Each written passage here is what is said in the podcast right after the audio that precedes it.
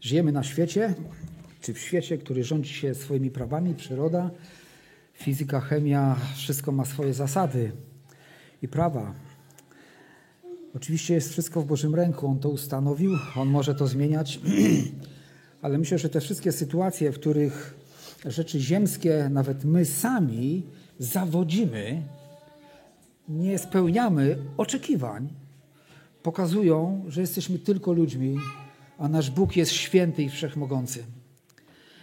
To uwydatnia też Bożą łaskę, uwydatnia Boże miłosierdzie, że w tych wszystkich sytuacjach jest Boże pocieszenie. Jest coś, co jest niezmienne, co jest stabilne, co zawsze trwa na wieki i się nie zmienia, a jest to też ta rzecz, o której teraz myślę, którą mamy w naszych rękach i możemy codziennie brać i otwierać i czytać, to jest właśnie Pismo Święte. Raz na zawsze przekazane świętym, przekazane Kościołowi, raz na zawsze dane ludziom Słowo Boże, abyśmy mogli znać prawdę, abyśmy mogli wiedzieć, jaka jest prawda i abyśmy mogli tej prawdy się trzymać. I abyśmy mogli wiedzieć, jakie skutki przynosi pożyteczne prawda, która jest prawdą. Ponieważ na świecie buduje się tak zwane prawdy, e, ludzie nawet mówią, że każdy niech sobie żyje według swojej prawdy. To jest w ogóle nielogiczne. Nie ma dwóch prawd, nie ma trzech prawd, nie ma pół prawdy i trzy czwarte prawdy, czy jedna czwarta prawdy i trzy czwarte prawdy. To nie ma.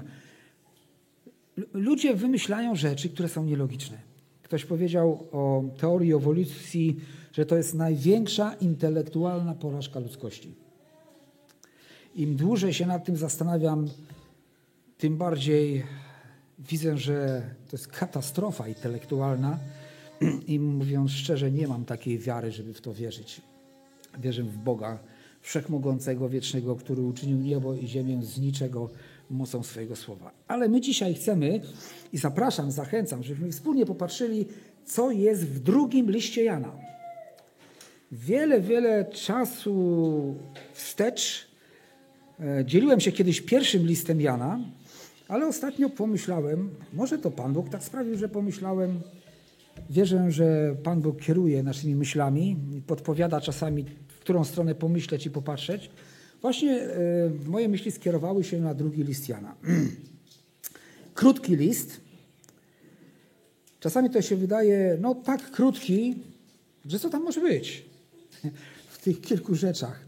Ale nie wiem, czy pamiętacie, wszyscy, którzy mieli ten przywilej e, uczestniczyć w studiach, e, studium Bożego Słowa na środowych spotkaniach, że kiedyś rozważaliśmy Psalm 117, który jest najkrótszym psalmem. Dwa wersety. I okazało się, że całe 45 minut czy godzinę rozmawialiśmy na ten temat.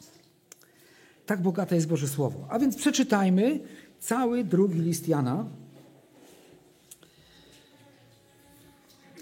Starszy do wybranej pani i do jej dzieci, które wprawdzie miłuję ja, a nie tylko ja, lecz i wszyscy, którzy poznali prawdę. Ze względu na prawdę, która mieszka w nas i będzie z nami na wieki – Łaska, miłosierdzie, pokój od Boga Ojca i od Jezusa Chrystusa, Syna Ojca, niechaj będzie z wami w prawdzie i w miłości.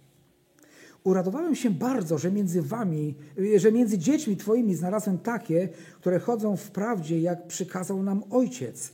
A teraz proszę Cię, Panie, abyśmy wzajemnie się miłowali, a nie podaję Ci tego jako nowego przykazanie, lecz jako przykazanie, które mieliśmy od samego początku a to jest miłość, abyśmy postępowali według przykazań Jego.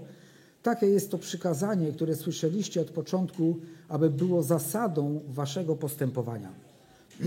Bo wyszło na świat wielu zwodzicieli, którzy nie chcą uznać, że Jezus Chrystus przyszedł w ciele.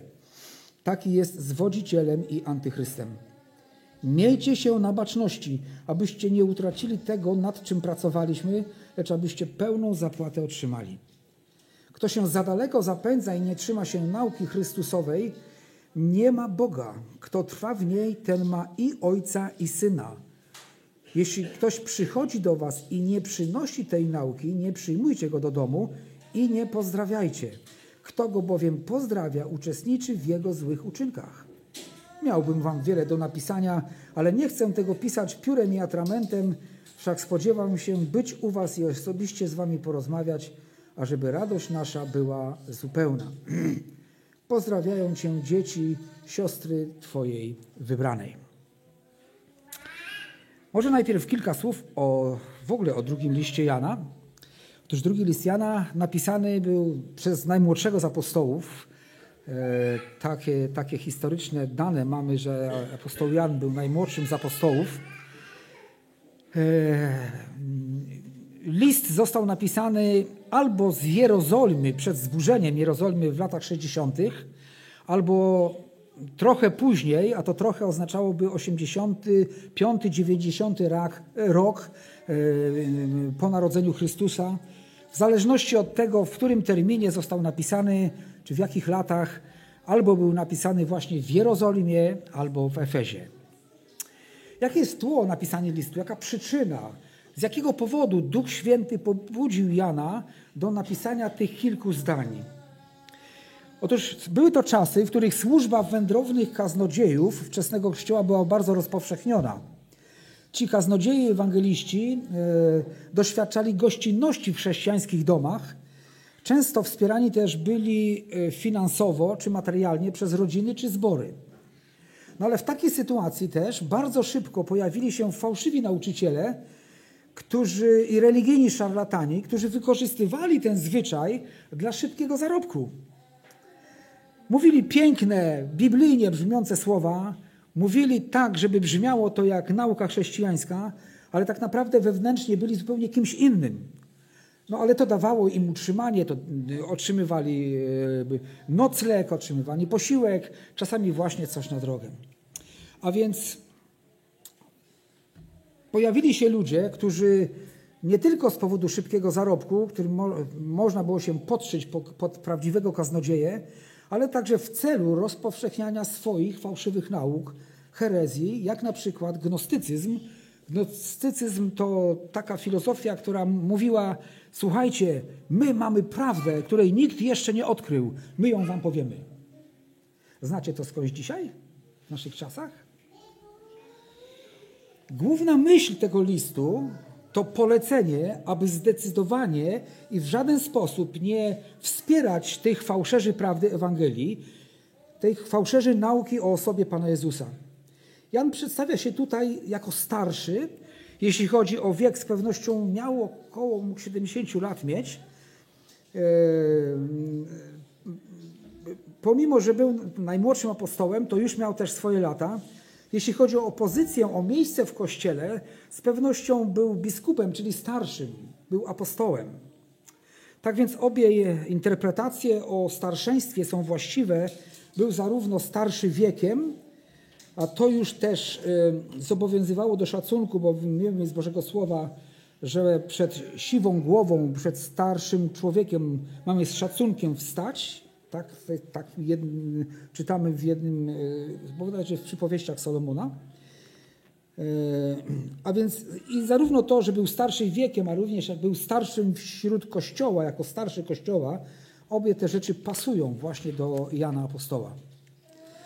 Jan pisze do wybranej pani. No i tu jest pewien kłopot ze zrozumieniem, czy ze stwierdzeniem, kim była ta wybrana pani. I są takie trzy główne interpretacje, trzy główne zrozumienia. Wybrania, pierwsze, wy, e, takie zrozumienie, interpretacja, pierwsza interpretacja. Wybrana pani to Kościół, e, gdzie indziej nazywany oblubienicą Chrystusową lub konkretny lokalny Kościół zbór. Drugim spojrzeniem, drugą, e, inni, takim na, na tą kwestię jest, tak, jest, jest to, że list został skierowany do wybranej Kyryja, więc osoby, która miała na imię Kyria, to imię mogło być greckim odpowiednikiem aramejskiego imienia Marta. Oba te imiona, Kyryja, Marta, oznaczają pani. Trzecia interpretacja jest taka, że Jan pisze do bezimiennej chrześcijańskiej pani, która wraz z innymi wierzącymi jest wybraną przez Boga w Chrystusie przed założeniem świata. Wydaje mi się, że ten ostatni pogląd najbardziej pasuje do treści całego listu, choć oczywiście może mieć ktoś odmienne zdanie, jeśli chodzi o wybór jednej z tych interpretacji. Tak czy owak, przyjrzyjmy się, co jest zawarte w tym krótkim liście do wybranej pani. Ciekawym też jest fakt, że on jest skierowany właśnie do niewiasty. No właściwie to jest y, ta forma, y, y, jeśli chodzi o rodzaj żeński, no to jest jedyny list skierowany właśnie chyba w taki sposób. Szukając powiązania tego faktu z kontekstem Biblii, a więc bardzo szerokim kontekstem, można spojrzeć, skojarzyć ten tekst choćby z dwoma miejscami w Piśmie Świętym, które odnoszą się do kobiety lub kobiet w perspektywie fałszywych nauk, bo ten list właśnie jest napisany z powodu fałszywych nauk, które zagrażały Kościołowi, które już się pojawiły. I pierwszym z takich miejsc, które też ono odnosi się do kobiet, jest pierwszy do Tymoteusza, drugi rozdział, czternasty werset. E, tam czytamy, że nie Adam został zwiedziony, lecz kobieta, gdy została zwiedziona, popadła w grzech. Być może dlatego, że to były w sumie tak naprawdę ciągle jeszcze początki Kościoła i zagrożenie zwiedzeniem skojarzone zostało, czy jest, e, można skojarzyć ze zwiedzeniem na samym początku istnienia ludzkości. E, nic nie dzieje się przez przypadek. Apostoł Jan nie pomylił się, że napisał to w takiej formie. Jeśli więc w takiej formie, więc szukamy E, powiązania czy skojarzenia z innymi miejscami w Piśmie Świętym. Nie szukamy odpowiedzi gdzieś we własnym umyśle czy we własnym sercu, tylko raczej chcemy je wiązać z innymi tekstami biblijnymi. A więc to było to pierwsze skojarzenie, e, właśnie z 14 wersetu drugi rozdział pierwszego do Tymoteusza, że nie Adam został zwiedziony, lecz kobieta, kiedy została zwiedziona, popadła w grzech, a następnie drugi do Tymoteusza, trzeci rozdział, 16 i 17 werset. E, przepraszam, drugi do, szósty i siódmy werset. Drugi do Tymoteusza, trzeci rozdział, szósty i siódmy werset. E, właściwie od piątego. Tam mowa jest o ludziach, którzy przybierają pozór pobożności, podczas gdy ich życie jest zaprzeczeniem jej mocy, również tych się wystrzegaj, albowiem z nich wywodzą się ci, którzy wdzierają się do domów, i usilają kobiety opanowane przez różne porządliwości, które zawsze się uczą, a nigdy do poznania prawdy dojść nie mogą. To był ten sposób działania, który stosowali zwodziciele czy fałszywi nauczyciele w tamtych czasach, a więc y, przychodzili do domów i dzisiaj też dzieje się to często jeszcze w niektórych miejscach podobnie, że stosują oni tą samą metodę, E, ten sposób przenikania do rodzin ze swoimi doktrynami.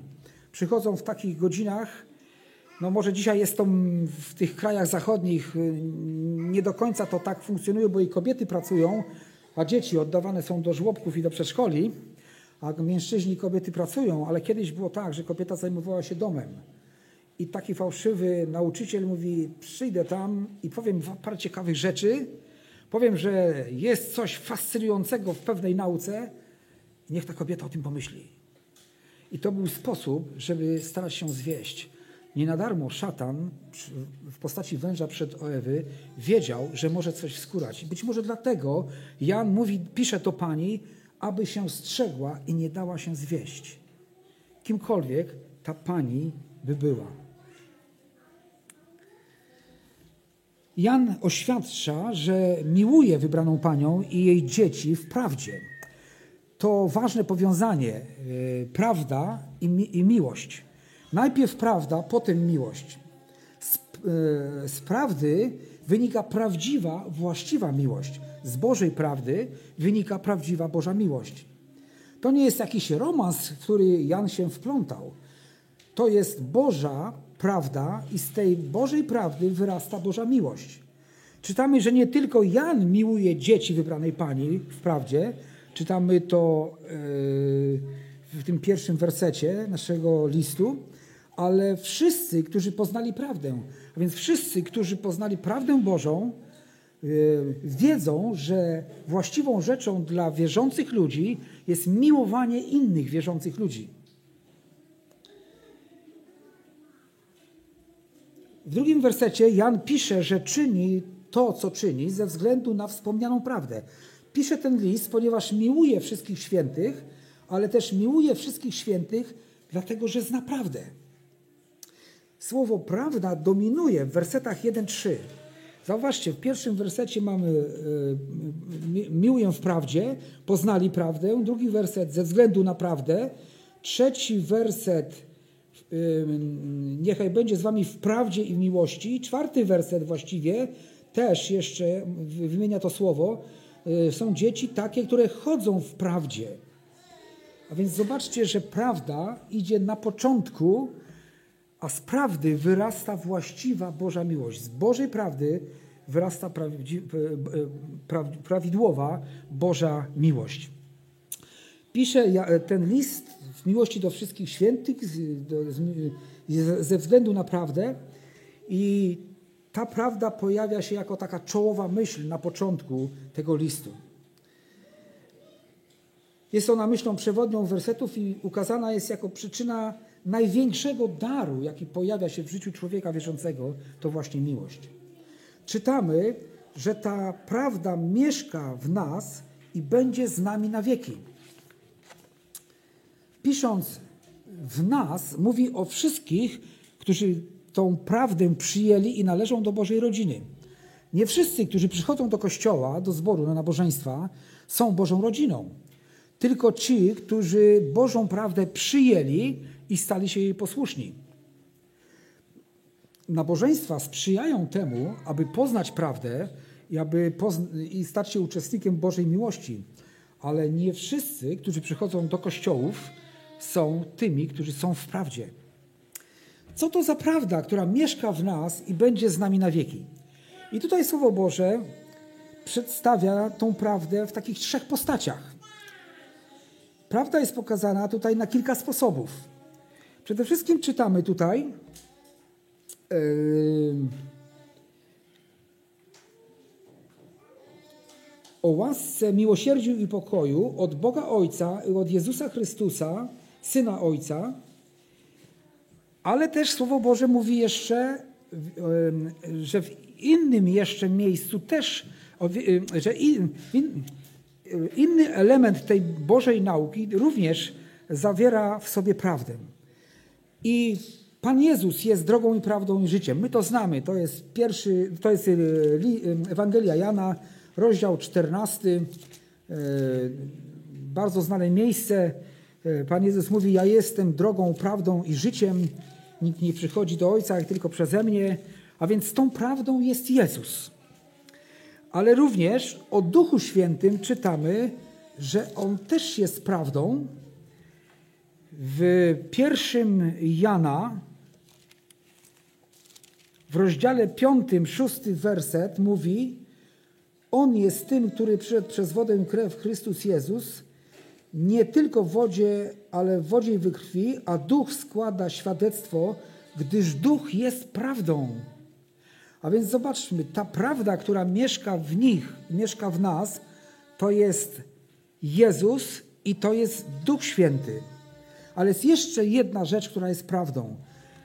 Ewangelia Jana, 17 rozdział i 17 werset czytamy. Poświęć ich w prawdzie Twojej, słowo Twoje jest prawdą.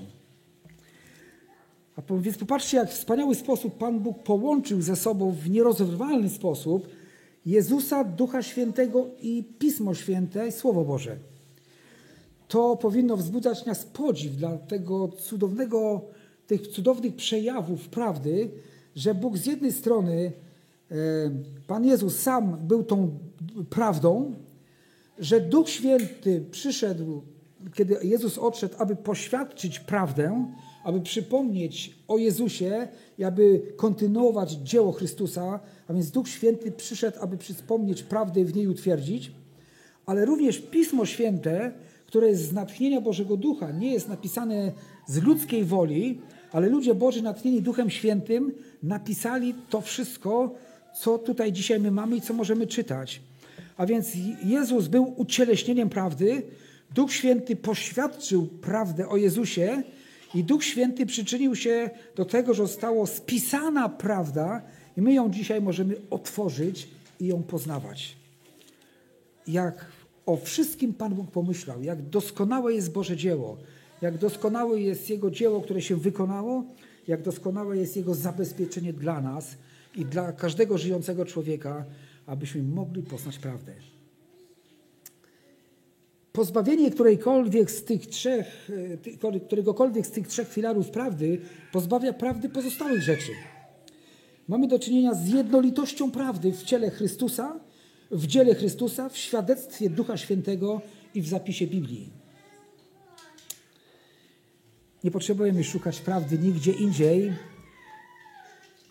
I tylko wtedy jesteśmy w stanie oprzeć się fałszywemu nauczaniu, jeśli trwamy w tej prawdzie, która jest w nas.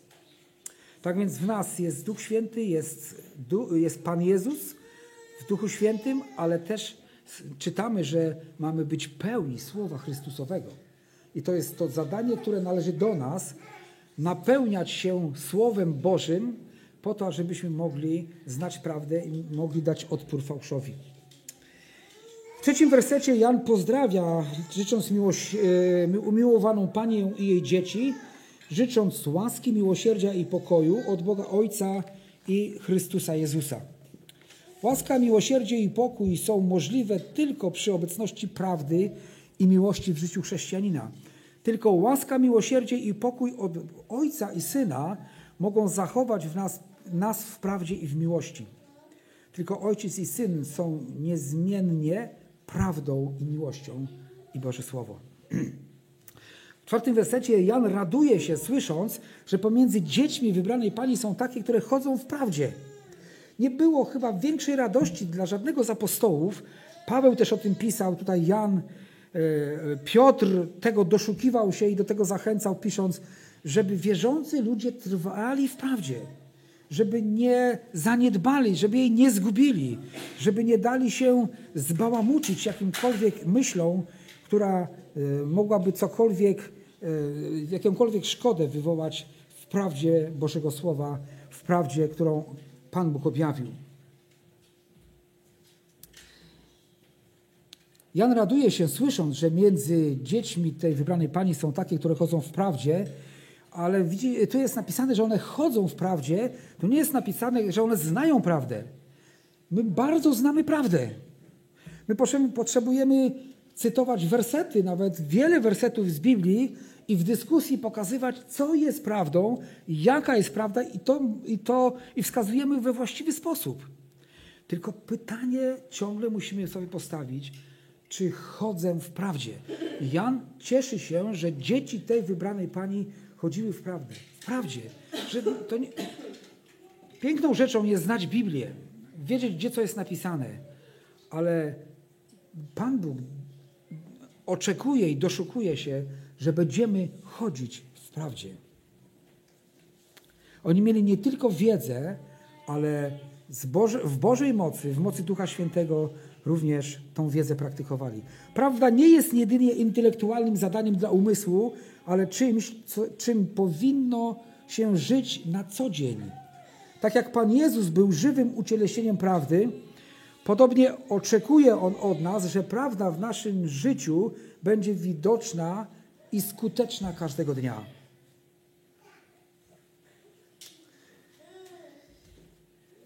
Pierwszy list Jana opisuje co najmniej sześć takich różnych aspektów, które sprawdzają naszą prawdziwość narodzenia w Bogu.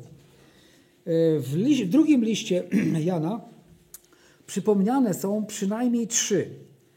Jest to sprawdzian miłości w piątym wersecie, sprawdzian posłuszeństwa, werset szósty i wersety siódmy do dziewiątego to jest sprawdzian doktryny. Piąty werset wzywa do wzajemnej miłości jako przykazania, które jest nam dane od dawna. Tutaj czytamy, że to nie jest nowe przykazanie, lecz to jest przykazanie, dziękuję bardzo, y, które mieliśmy od samego początku. W miłowaniu wzajemnym chodzi o bezinteresowne oddanie siebie dla pożytku innych. Nie jest to myślenie, co mogę otrzymać od tej osoby, lecz co mogę dać, zrobić dla tej osoby. Ja się nieraz zastanawiam, dlaczego tak dużo małżeństw się rozpada w naszych czasach. Kiedyś nieoficjalnie, dzisiaj oficjalnie.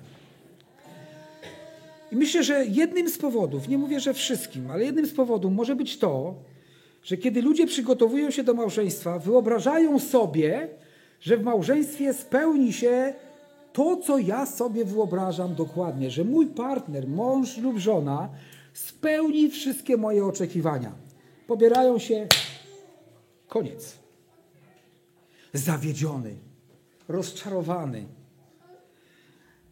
No tak, bo jako ludzie potrafimy najczęściej zawieść i rozczarować. Oczywiście powinniśmy płakać nad tym, jeśli zawodzimy i rozczarowujemy. Ale postawa miłości w Bożym Słowie i w ogóle myślę, że ka każdy zdrowo, rozsądkowo myślący człowiek o miłości wie, że miłość jest dawaniem, a nie oczekiwaniem, żeby brać. A więc może trzeba zrewidować swoje spojrzenie na oczekiwanie względem małżonka czy małżonki. Może za mało daję ja, a za bardzo chciałbym, żeby spełniło się to, co sobie wymyśliłem.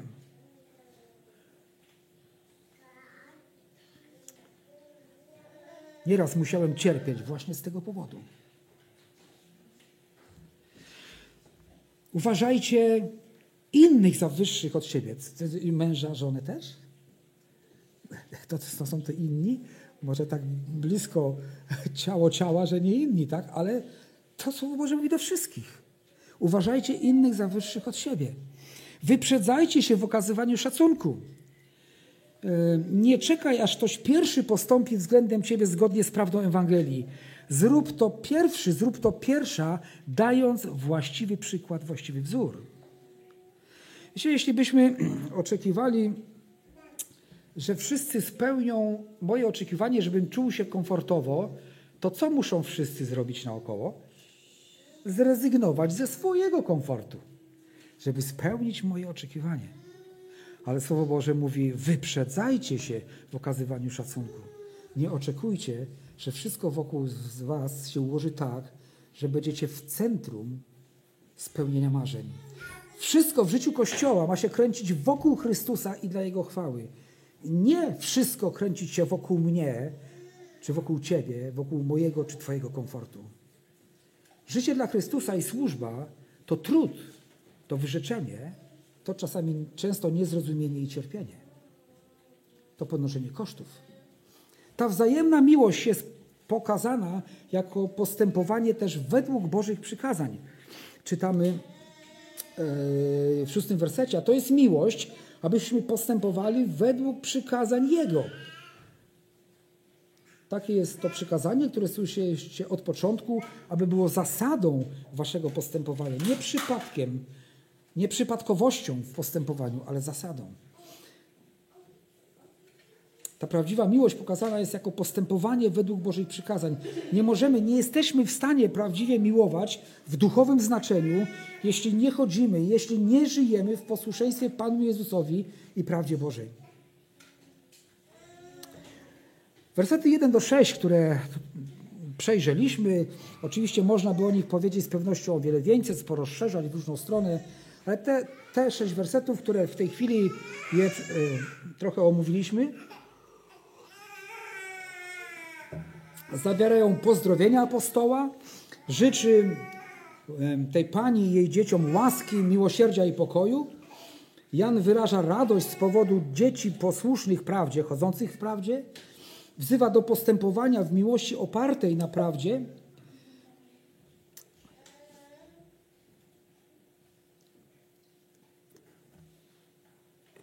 Naprawdę na, na miłości, która jest tym przykazaniem, która powinna być e, oddanym od początku, według, która powinna być zasadą naszego postępowania.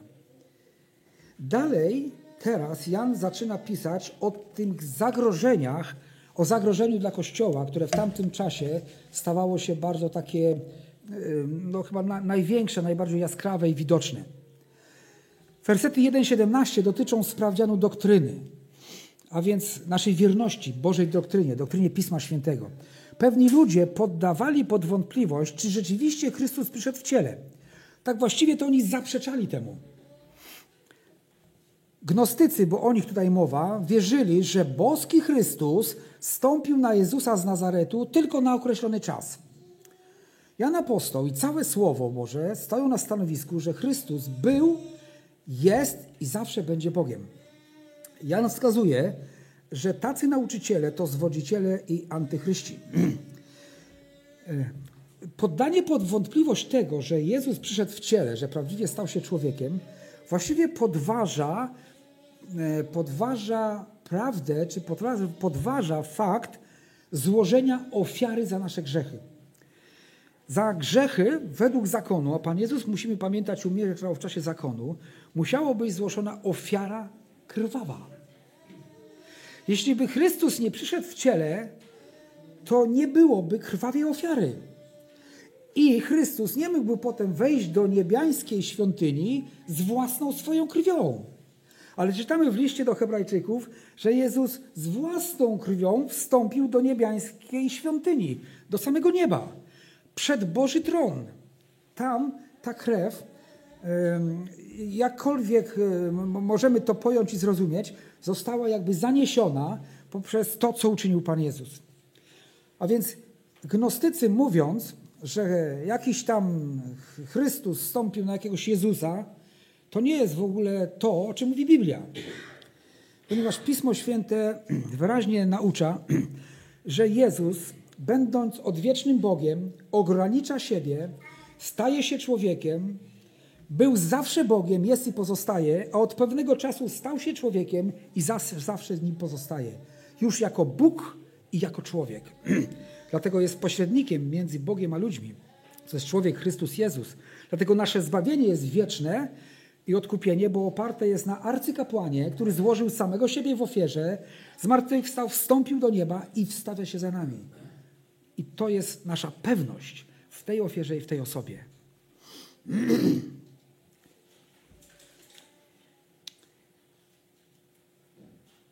Dlatego też Jan wzywa czytelników, aby zachować czujność i nie dać się zepchnąć z właściwej drogi, z biblijnego stanowiska.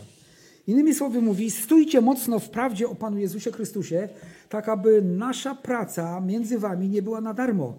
Abyście wy, albo y, tłumaczenie Biblii Gdańskiej mówi, abyśmy my pełną zapłatę otrzymali. Oczywiście nie chodzi tutaj o pieniądze, nie chodzi tutaj o szaty, czy złoto, czy jakieś majątki ziemskie. Ta mowa jest o zapłacie, którą otrzymamy, kiedy staniemy przed sądem Chrystusowym i Pan Jezus będzie nagradzał nas za naszą służbę dla Niego. Może będziemy zawstydzeni. Lepiej, żebyśmy byli nagrodzeni i weszli w chwale, nie tracąc naszej nagrody. Ale, ale Jan, apostoł Paweł zresztą y, również, bardzo był zainteresowany, żeby nie utracić nic z tej nagrody, z tej zapłaty żył nadzieją zapłaty obiecanej przez Chrystusa, ta zapłata czeka na nas w Królestwie Niebieskim. Tak więc mamy podjąć ten trud, aby zachować prawdę w swoim życiu i nie oddać prawdy nikomu. Aby żyć w prawdzie, według tej prawdy postępować, według tej właściwej Bożej doktryny żyć i tą doktrynę zachować niesfałszowaną i niezmienioną, niezmiękczoną. Ale w dziewiątym wersecie czytamy o ludziach, którzy się za daleko zapędzają i nie trzymają się nauki Chrystusowej. Mowa tu oczywiście o fałszywych nauczycielach, o ich fałszywej nauce. Za daleko zapędzać znaczy wykraczać poza granice Bożego Słowa. E, może czasami też spotykamy się, czy, czy e, słyszeliśmy lub znamy ludzi, którzy nauczali Bożego Słowa, ale potem gdzieś się za daleko zapędzili, zaczęli mówić rzeczy, których nie ma w Biblii. To grozi również e, tym, którzy dzisiaj właściwie głoszą Boże Słowo, bo szatan nigdy nie rezygnuje z tego, żeby atakować i próbować e, e, nasz umysł wy, wypaczyć, wykrzywić. A więc za daleko zapędzać znaczy przekroczyć granicę. Na początku naszego rozważania mówi, mówiłem, że to e, określenie e, co do pani możemy rozumieć na trzy sposoby, może nawet więcej. To, to, ale to wszystko nie wykracza poza Biblię, poza prawdę Ewangelii. Natomiast za daleko się zapędzać znaczy wykraczać poza naukę Chrystusową, poza naukę Pisma Świętego. Fałszywi nauczyciele twierdzą, że posiadają nową światłość i nauczają doktryn, których Bóg nie objawił w swoim słowie. Oni nie pozostają w granicach chrześcijańskiego objawienia lub nie trwają w nauce Chrystusowej. Zatem, czego bardzo potrzebujemy, oprócz tych wielu innych rzeczy, które były wspomniane, aby nie dać się zwieść, potrzebujemy znać prawdę. A skąd możemy znać prawdę? Dzisiaj bezpośrednio od Jezusa nie usłyszymy, bo On jest po prawicy Boga Ojca.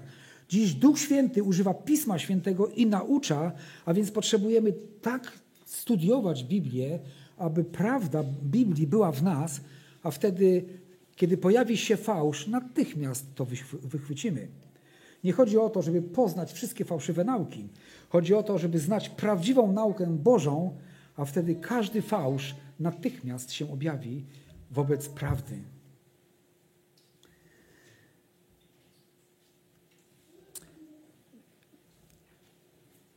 Czytamy tu o nauce Chrystusowej, że oni nie trzymają się nauki Chrystusowej, co może oznaczać, że głoszą naukę, której nie głosił Pan Jezus, kiedy był na ziemi, ale może również oznaczać, że głoszą naukę o Chrystusie, której nie ma w Biblii.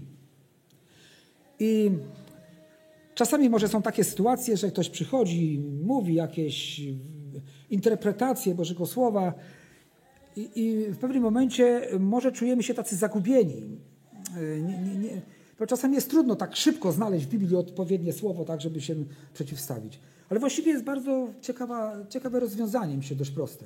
Okej, okay, pokaż mi to w Biblii, gdzie jest tak, jak mówisz. Niech to będzie jasne i klarowne, że tak mówi Biblia jak ty.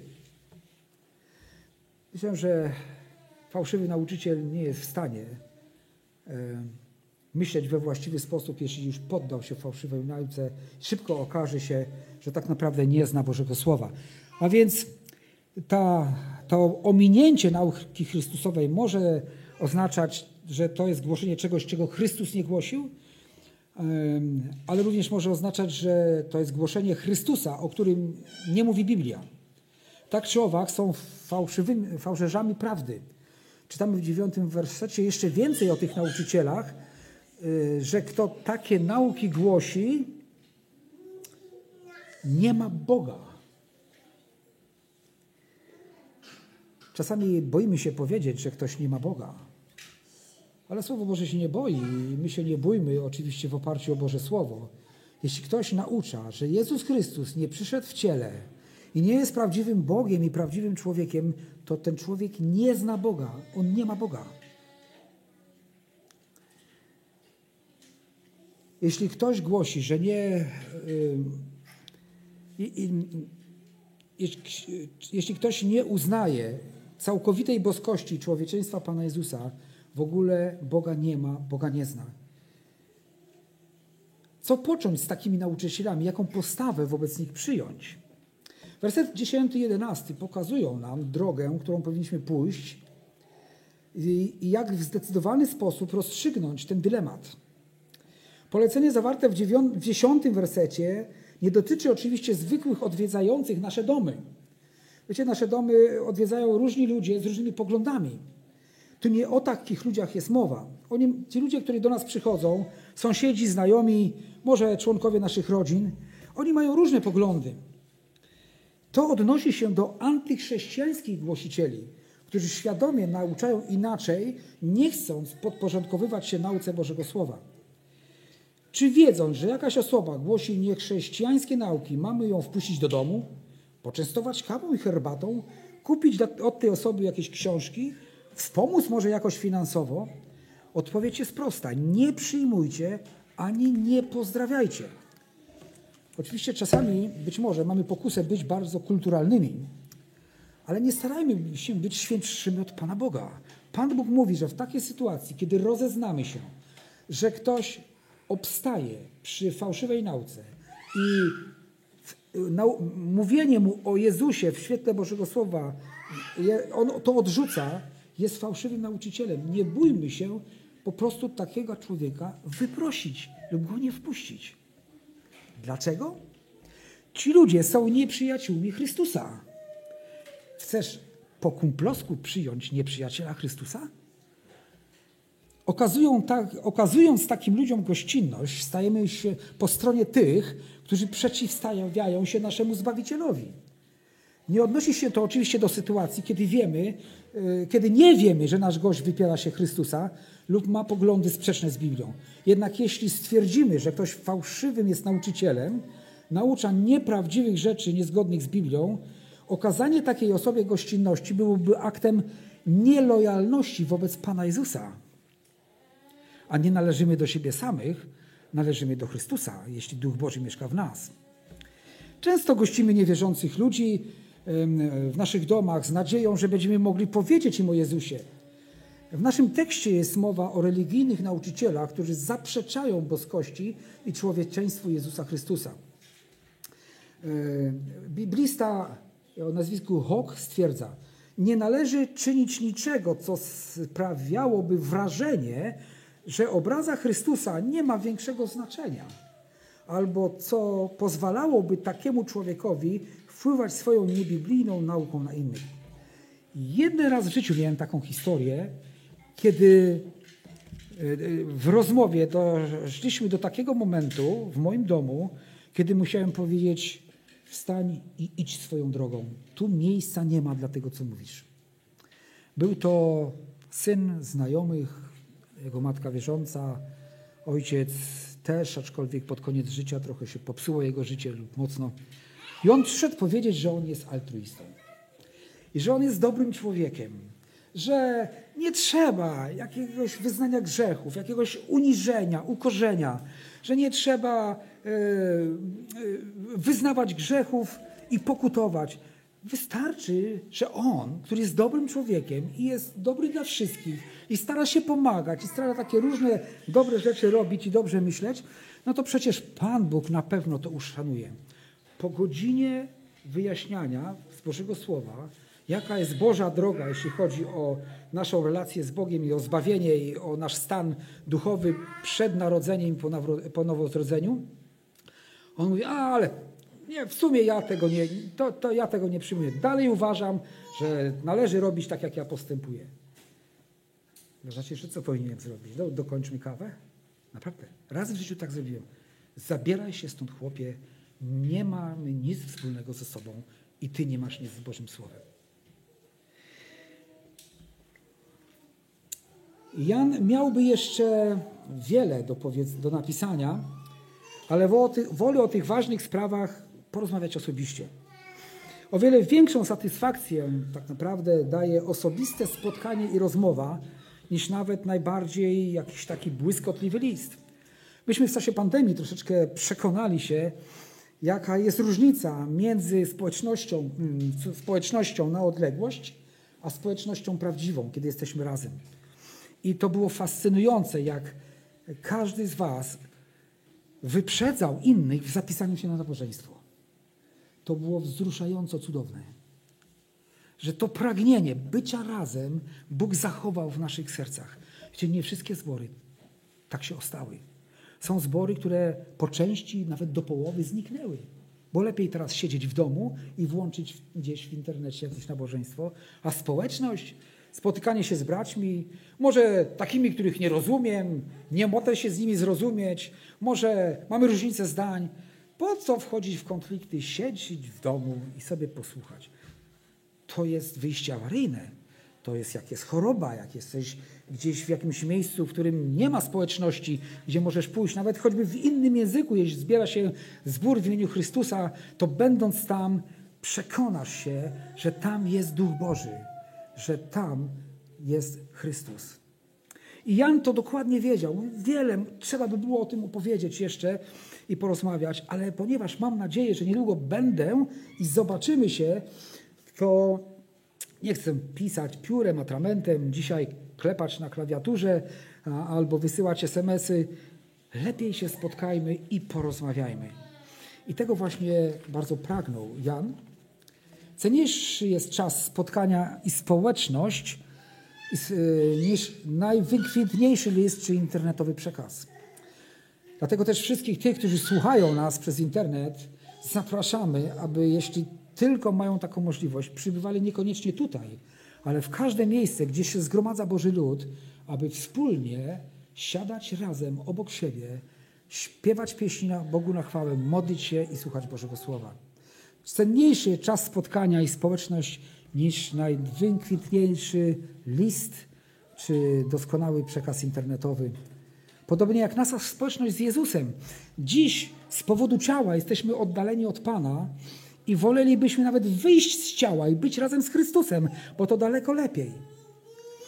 W przyszłości ujrzymy Go twarzą w twarz. Czyż nie za tym tęskni każdy, kto kocha Boga, kto kocha Chrystusa?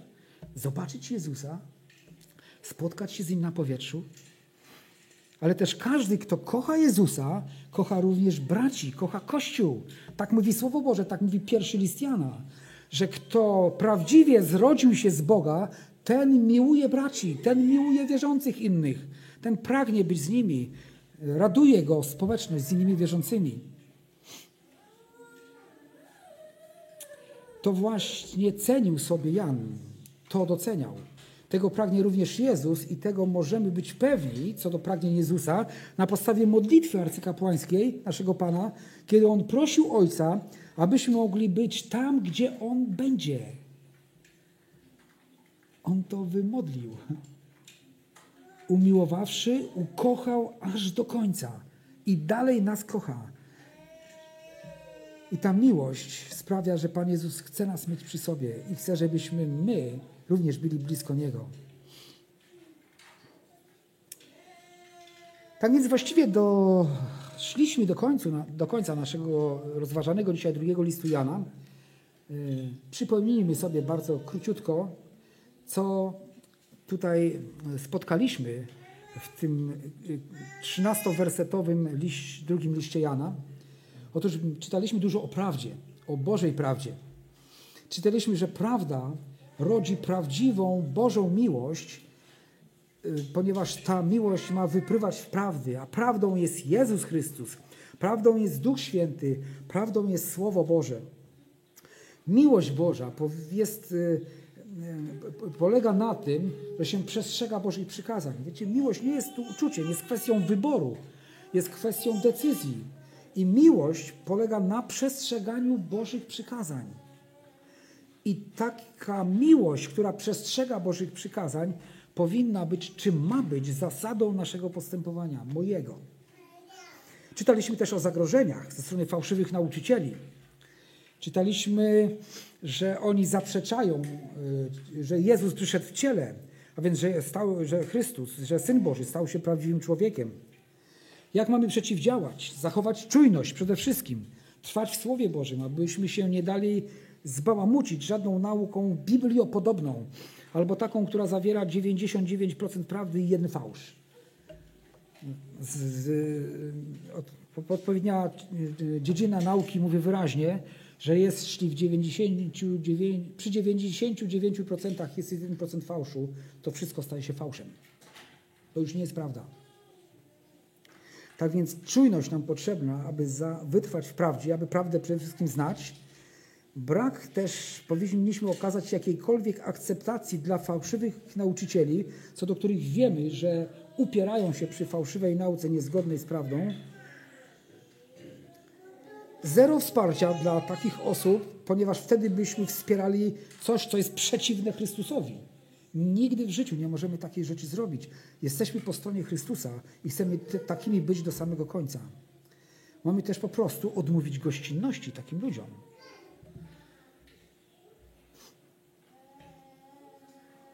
Bardziej mamy miłować Boga i Jego Słowo, niż to, co nasze dobre ludzkie serce czasami nam mówi.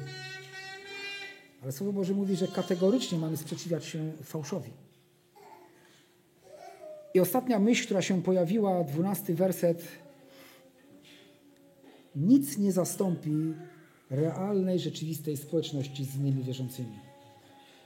To pielęgnujmy, w tym trwajmy, a niech Bóg nas zachowa w prawdzie, niech obdaruje miłością wynikającą z prawdy, niech Bóg przyda nam swojego ducha, abyśmy postępowali według Bożych przykazań, aby to było zasadą naszego postępowania, aby ta miłość wyrażała się w postępowaniu e, według Bożych przykazań, abyśmy trwali w prawdzie, abyśmy strzegli się fałszywych nauk, abyśmy też w żaden sposób nie popierali czy nie przymykali oko na to, co nie zawiera w pełni prawdy, a więc jest fałszem. Bóg niech nam w tym wspomoże.